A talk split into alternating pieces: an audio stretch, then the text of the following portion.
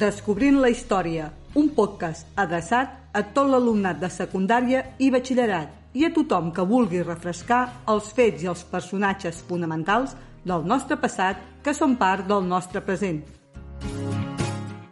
A cada capítol hi ha una síntesi d'un tema dels moments més destacats de la història de Catalunya, Espanya i del món. Capítol 4 la Guerra de Successió Espanyola, 1702-1714. En aquest episodi explicaré els problemes en la successió de la corona espanyola que va provocar el que podríem considerar el primer conflicte d'abast mundial, la Guerra de Successió Espanyola. El capítol el dividiré en tres parts. En la primera part, explicaré quin era el problema successori de la monarquia hispànica, el per què hi havia tant d'interès de França, Gran Bretanya i també d'Àustria amb qui succeiria Carles II i quins candidats van potenciar tant Àustria com França per ocupar aquest tron. I, finalment, quin va ser el testament de Carles II. En la segona part, explicaré el conflicte. Quins bàndols hi va haver? Quines motivacions tenien? Faré especial incís en el fet que és una guerra que es desenvolupa en dos fronts molt diferenciats, una a Europa i l'altra a la península, i com afectarà aquest conflicte a Catalunya. I per acabar, exposaré com va finalitzar la guerra, primer a Europa i després a la península. Tercera i última part. En aquí explicaré les conseqüències de la guerra i especialment aquestes conseqüències a Catalunya. Part 1. El problema successori. L'últim rei hispànic de la Casa d'Àustria, Carles II, va ser un rei malaltís i mancat d'intel·ligència tal com expliquen les cròniques de l'època. De fet, era conegut com l'embruixat. Aquest fet farà que la major part del seu regnat fos portat per la seva mare i per privats que l'aconsellaven segons els seus interessos. Al llarg del seu regnat va ser incapaç de tenir descendència directa amb cap de les dues esposes que va tenir, aquest fet era un tema molt present a l'Europa del segle XVII i les principals cases reals europees havien especulat amb el seu successor. Fins i tot potències com Gran Bretanya, Àustria i França havien firmat alguns tractats per repartir-se l'imperi. Al segle XVII, l'imperi espanyol, tot i estar en decadència, no deixava de ser un gran imperi. De fet, qui fos beneficiari del testament rebria la quantitat més gran de dominis sota una mateixa corona que mai hi havia hagut. A Europa heretava els territoris de la península, Castella i el regne d'Aragó, Flandes, el Milanesat, Nàpols, Sicília i Sardenya, i Amèrica tots els territoris conquerits per la corona de Castella. Si Carles no tenia descendència directa, qui podia accedir al tron? Evidentment, qui ell designés en el testament, però per tal de poder estar en aquest testament s'havia de tenir vincles familiars amb Carles II. I a Europa, qui complia aquests requisits i per tant podia entrar en la disputa per la corona del tron espanyol? Que complís aquesta condició trobem dos candidats. Per una banda, l'arxiduc Carles d'Àustria. Era fill de l'emperador Leopold d'Àustria i net de Maria, la filla de Felip III de Castella, i és precisament el fet de ser net d'una de les filles d'un rei hispànic el que li donava dret a reclamar el tron. Si el tron era ocupat per aquest candidat, la dinastia que hi hauria al tron del regne hispànic continuaria sent la dinastia dels Habsburg. L'altre candidat era Felip d'Anjou, era net de Lluís XIV, el rei francès, i també net de Felip IV de Castella, i al igual que el seu rival, era el fet de ser net d'un rei hispànic el que li donava dret a poder ocupar el tron. Si el tron era ocupat per aquest candidat, hi hauria un canvi de dinastia en el tron espanyol i passaria a ser ocupat per un Borbó.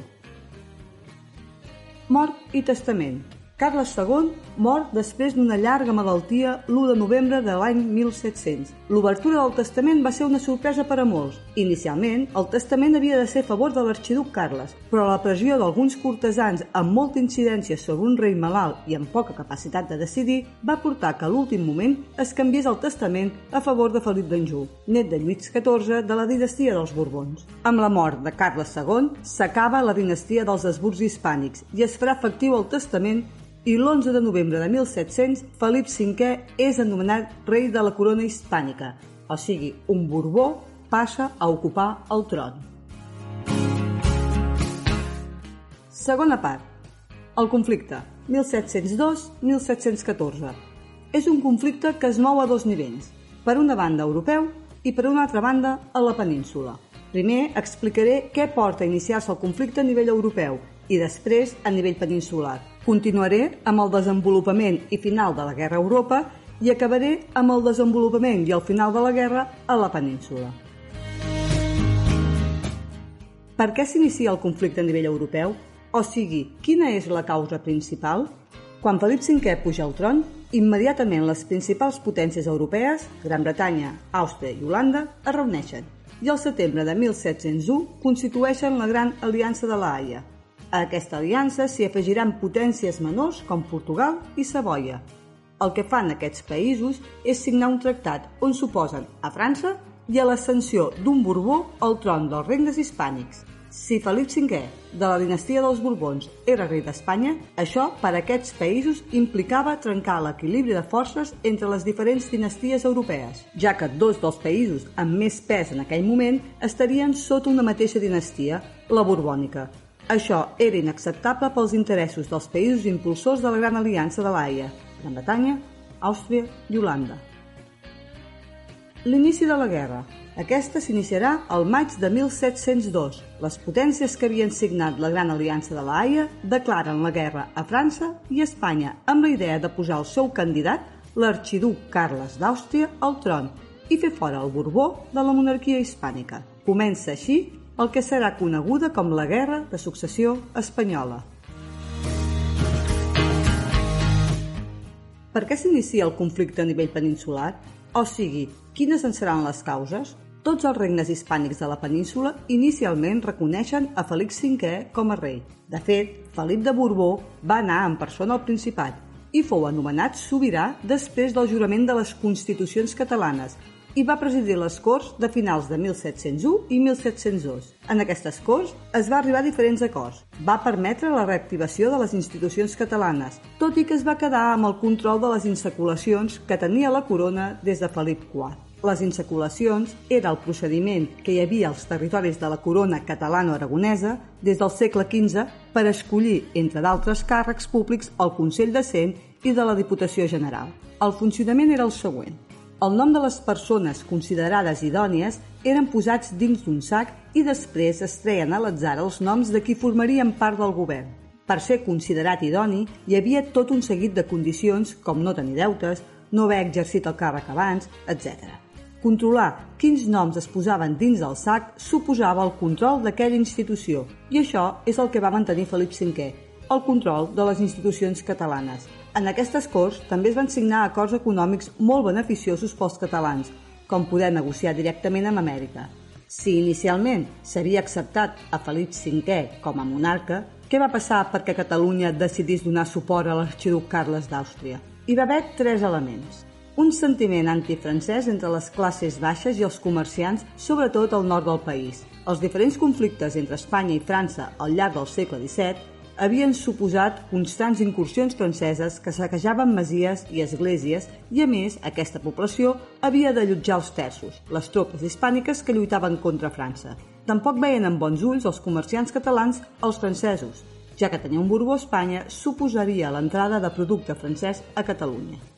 El segon element va ser el nomenament d'un nou virrei a Catalunya, Francisco Fernández de Velasco, que no va mostrar cap respecte per les institucions catalanes i, a més, va dur a terme una política molt autoritària i repressiva. Això va estimular que molta de la població catalana es posicionés a favor de l'arxiduc Carles. I, finalment, la por que a la llarga Felip V es comportés igual que el seu avi, Lluís XIV de França, que en les seves possessions utilitzava una política centralista. El que veien els catalans, sobretot les classes dirigents, era que en el fons Felip V no deixava de ser un Borbó i això podia significar a llarg termini la implantació d'un sistema centralista. Aquests tres elements van portar a decantar-se per l'arxiduc Carles, i això es farà efectiu el 1705, quan es firma el Pacte de Gènova amb Gran Bretanya. En aquest pacte, Gran Bretanya es comprometia a enviar tropes a Barcelona per donar suport a l'aixecament dels catalans contra el Borbó i a favor de l'arxiduc Carles,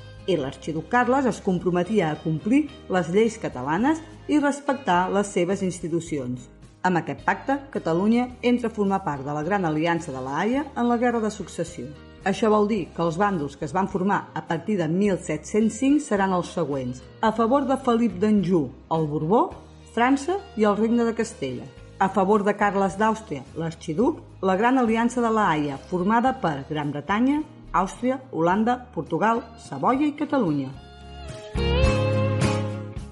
Desenvolupament i final. A nivell internacional, la Guerra Europa va durar des del 1702 fins al 1713. Les forces estaven força equilibrades i els Borbons no es veien capaços de vèncer les forces aliades que donaven suport a Carles d'Àustria. Però al 1711 hi haurà un fet que portarà un canvi inesperat en el conflicte, morirà el germà de l'arxiduc Carles, Josep, i això suposava que Carles heretava la corona austríaca i passava a ser emperador. De cop i volta, el perill canviava de casa reial. Si en Felip V els Borbons tenien massa poder a Europa, ara, amb Carles com a emperador d'Àustria, eren els Habsburg els que trencarien l'equilibri europeu, ja que una mateixa persona tindria els trons austríac i espanyol. La reacció anglesa i holandesa no es fa esperar, i comencen a mostrar el seu interès en acabar el conflicte i reconèixer Felip V com a monarca espanyol. El final del conflicte es segellarà el 1713 en el Tractat d'Utrecht, on a canvi d'acabar amb el conflicte i ser reconegut com a rei, Felip V farà importants concessions territorials i comercials. A Àustria li cedirà el Milanesat, Flandes, Nàpols i Sardenya. A la Gran Bretanya li cedirà Gibraltar i Menorca i els privilegis comercials amb l'Amèrica Espanyola. També, Felip V renunciarà als seus drets successoris sobre França. Amb el Tractat d'Utrecht es finalitza el conflicte a nivell internacional. Desenvolupament del conflicte a nivell intern. Un cop Catalunya entra en el conflicte a favor de l'arxiduc Carles, les tropes austriacistes ocupen Barcelona el mateix 1705, al igual que València, que serà ocupada pel general Basset. El novembre d'aquest mateix any, Carles entra a Barcelona i serà proclamat rei amb el nom de Carles III de Catalunya i Aragó i, tal com havia promès, jurava les constitucions. El conflicte a la península serà molt més favorable a Felip que no pas ho era Europa. Una de les batalles que es considera definitiva dins la península serà la batalla del Mansa, l'abril de 1707, on les tropes borbòniques guanyen a les austracistes. Per què és tan important aquesta derrota austracista? Doncs perquè suposarà la caiguda del regne de València i les conseqüències d'aquesta derrota seran molt grans. El juny de 1707, el rei Felip V firmava a Madrid el decret de nova planta que volia totes les institucions i furs del regne de València i Aragó, a partir de la batalla d'Almansa, les tropes borbòniques aniran avançant. El 1707 ja ocuparan Lleida i, de fet, a partir d'aquest any ja ocupen la major part de Catalunya. Del 1707 al 1711 hi anirà havent enfrontaments entre els dos exèrcits, però cada vegada més el conflicte es va decantant cap al costat borbònic.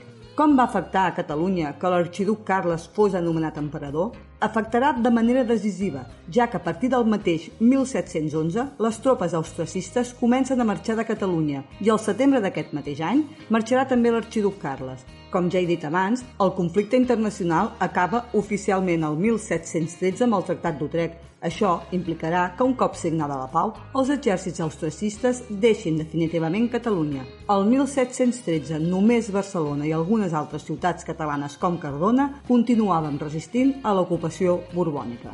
El mes de juny de 1713, les tropes de Felip V arriben a les portes de Barcelona pensant que la seva presència farà que la ciutat es rendeixi. Però les Corts, reunides a Barcelona el juliol de 1713, van decidir resistir i van declarar la guerra a Felip V i a França. Per què van decidir aquesta opció davant l'evident inferioritat de forces respecte a les tropes de Felip V? Una de les respostes la trobem amb la caiguda del Regne de València i com immediatament Felip V anula totes les institucions i els furs valencians. Aquest és el motiu principal a l'intentar mantenir les institucions, la cultura i la llengua. És per això que segueix lluitant. Davant de la declaració de guerra per part de Catalunya Felip V i a França, les tropes borbòniques van iniciar el setge a la ciutat. Un setge consisteix en tancar totes les vies de proveïment d'aquella ciutat i, per tant, intentar que els seus habitants s'acabin rendint per falta de menjar, aigua, etc. El setge fou molt llarg. Es va iniciar el 25 de juliol de 1713 i va suposar bombardejos de la ciutat, el bloqueig marítim, el bloqueig per terra, o sigui, es van trencar totes les vies de proveïment de la ciutat. A dins la ciutat es resistia sota el comandament de Rafael de Casanovas i Antoni Villarroel. Es va arribar l'11 de setembre de 1714, dia en què es va iniciar l'assalt final. La batalla fou molt dura i, finalment, l'exèrcit de Felip V ocupava Barcelona. Una setmana més tard es rendia Cardona, i això implicava que Catalunya quedava sotmesa per la força a l'autoritat de Felip V. Part 3. Conseqüències del conflicte. A nivell europeu, la Guerra de Successió significarà la fi de l'hegemonia espanyola a Europa, ja que amb la firma del Tractat d'Utrecht perdia totes les possessions europees. També perdrà el control sobre el Mediterrani a favor de la Gran Bretanya, ja que es veu obligada a cedir-li Menorca i Gibraltar, i també haurà de fer importants concessions, especialment a Gran Bretanya, en el comerç a les possessions americanes. Per tant, a nivell europeu, aquest conflicte va enfortir la Gran Bretanya i va debilitar la França de Lluís XIV i la monarquia hispànica. Conseqüències a la península. Mentre que a Europa podem dir que la monarquia hispànica va perdre el conflicte, no va ser així a la península, on Felip V sí que va guanyar la guerra. Aquesta victòria a la Guerra de Successió suposarà la implantació del model absolutista monàrquic. Com afecta a Catalunya la derrota? La derrota de la guerra i l'ocupació del territori català va tenir unes conseqüències immediates. Com a càstig per haver-se revoltat, va ser ocupada militarment, el primer que es va fer va ser ocupar el castell de Montjuïc i les Drassanes. També es van destruir moltes fortaleses i molts austriacistes es van haver d'exiliar per por a les represàlies. La derrota també va implicar el tancament immediat de les universitats catalanes, sobretot la de Barcelona, ja que tant la institució com els estudiants havien participat molt activament en la defensa de la ciutat. Aquesta universitat es va substituir per la Universitat de Cervera, ja que la ciutat de Cervera havia estat fidel a Felip V. Aquest nou model d'estat borbònic es veurà en els decrets de nova planta que s'aniran publicant en els diferents territoris que els borbons van anar ocupant al llarg del conflicte. De fet, el 1707 es va publicar el del Regne de València i Aragó i el 1715 el de Mallorca. El torn de Catalunya va arribar al 1716 quan es va publicar el decret de nova planta per a Catalunya. Què va implicar aquest decret? 1. Es van suprimir totes les constitucions de Catalunya, 2. Es van abolir totes les institucions pròpies catalanes, les Corts, la Generalitat, el Consell de Cent. 3. També es van abolir totes les institucions municipals. 4. Es va fixar el castellà com a llengua oficial. 5. Es va imposar les lleis i el sistema administratiu castellà i també una nova estructura de govern formada pel capità general, que era la màxima autoritat i actuava en nom del rei. També aquest capità general era qui presidia la Real Audiència, les funcions que tenia la Real Audiència eren judicials i de govern. 6. Es va dividir el territori català en corregiments que estaven controlats per un corregidor, que era qui nomenava els alcaldes i escollia els regidors. I 7. De la Capitania General també depenia la Superintendència de Catalunya, que el que feia era recaptar totes les contribucions. Per tal d'uniformitzar els impostos es va crear el cadastre, que era un import directe sobre els béns immobles, les rendes derivades del treball, o sigui, el que es guanyava treballant, i també sobre els beneficis del comerç i la indústria. Resum del tema. Podem resumir el tema en 6 punts. 1. Carles II mor sense descendència. Hi ha dos candidats a ocupar el tron. Un és Felip d'Anjou, un Borbó, i l'altre l'arxiduc Carles, un Habsburg. El testament que deixarà Carles II serà a favor de Felip d'Anjou, que el 1700 serà proclamat rei de la monarquia hispànica amb el nom de Felip V. 2. Gran Bretanya, Àustria i Holanda no ho veuen bé, ja que creuen que el nomenament d'un Borbó com a rei espanyol trenca l'equilibri de forces europees, ja que França també està sota domini dels Borbons amb Lluís XIV. Per això signen el 1701 la Gran Aliança de la Haia, i el 1702 declaren la guerra a la monarquia hispànica i a França.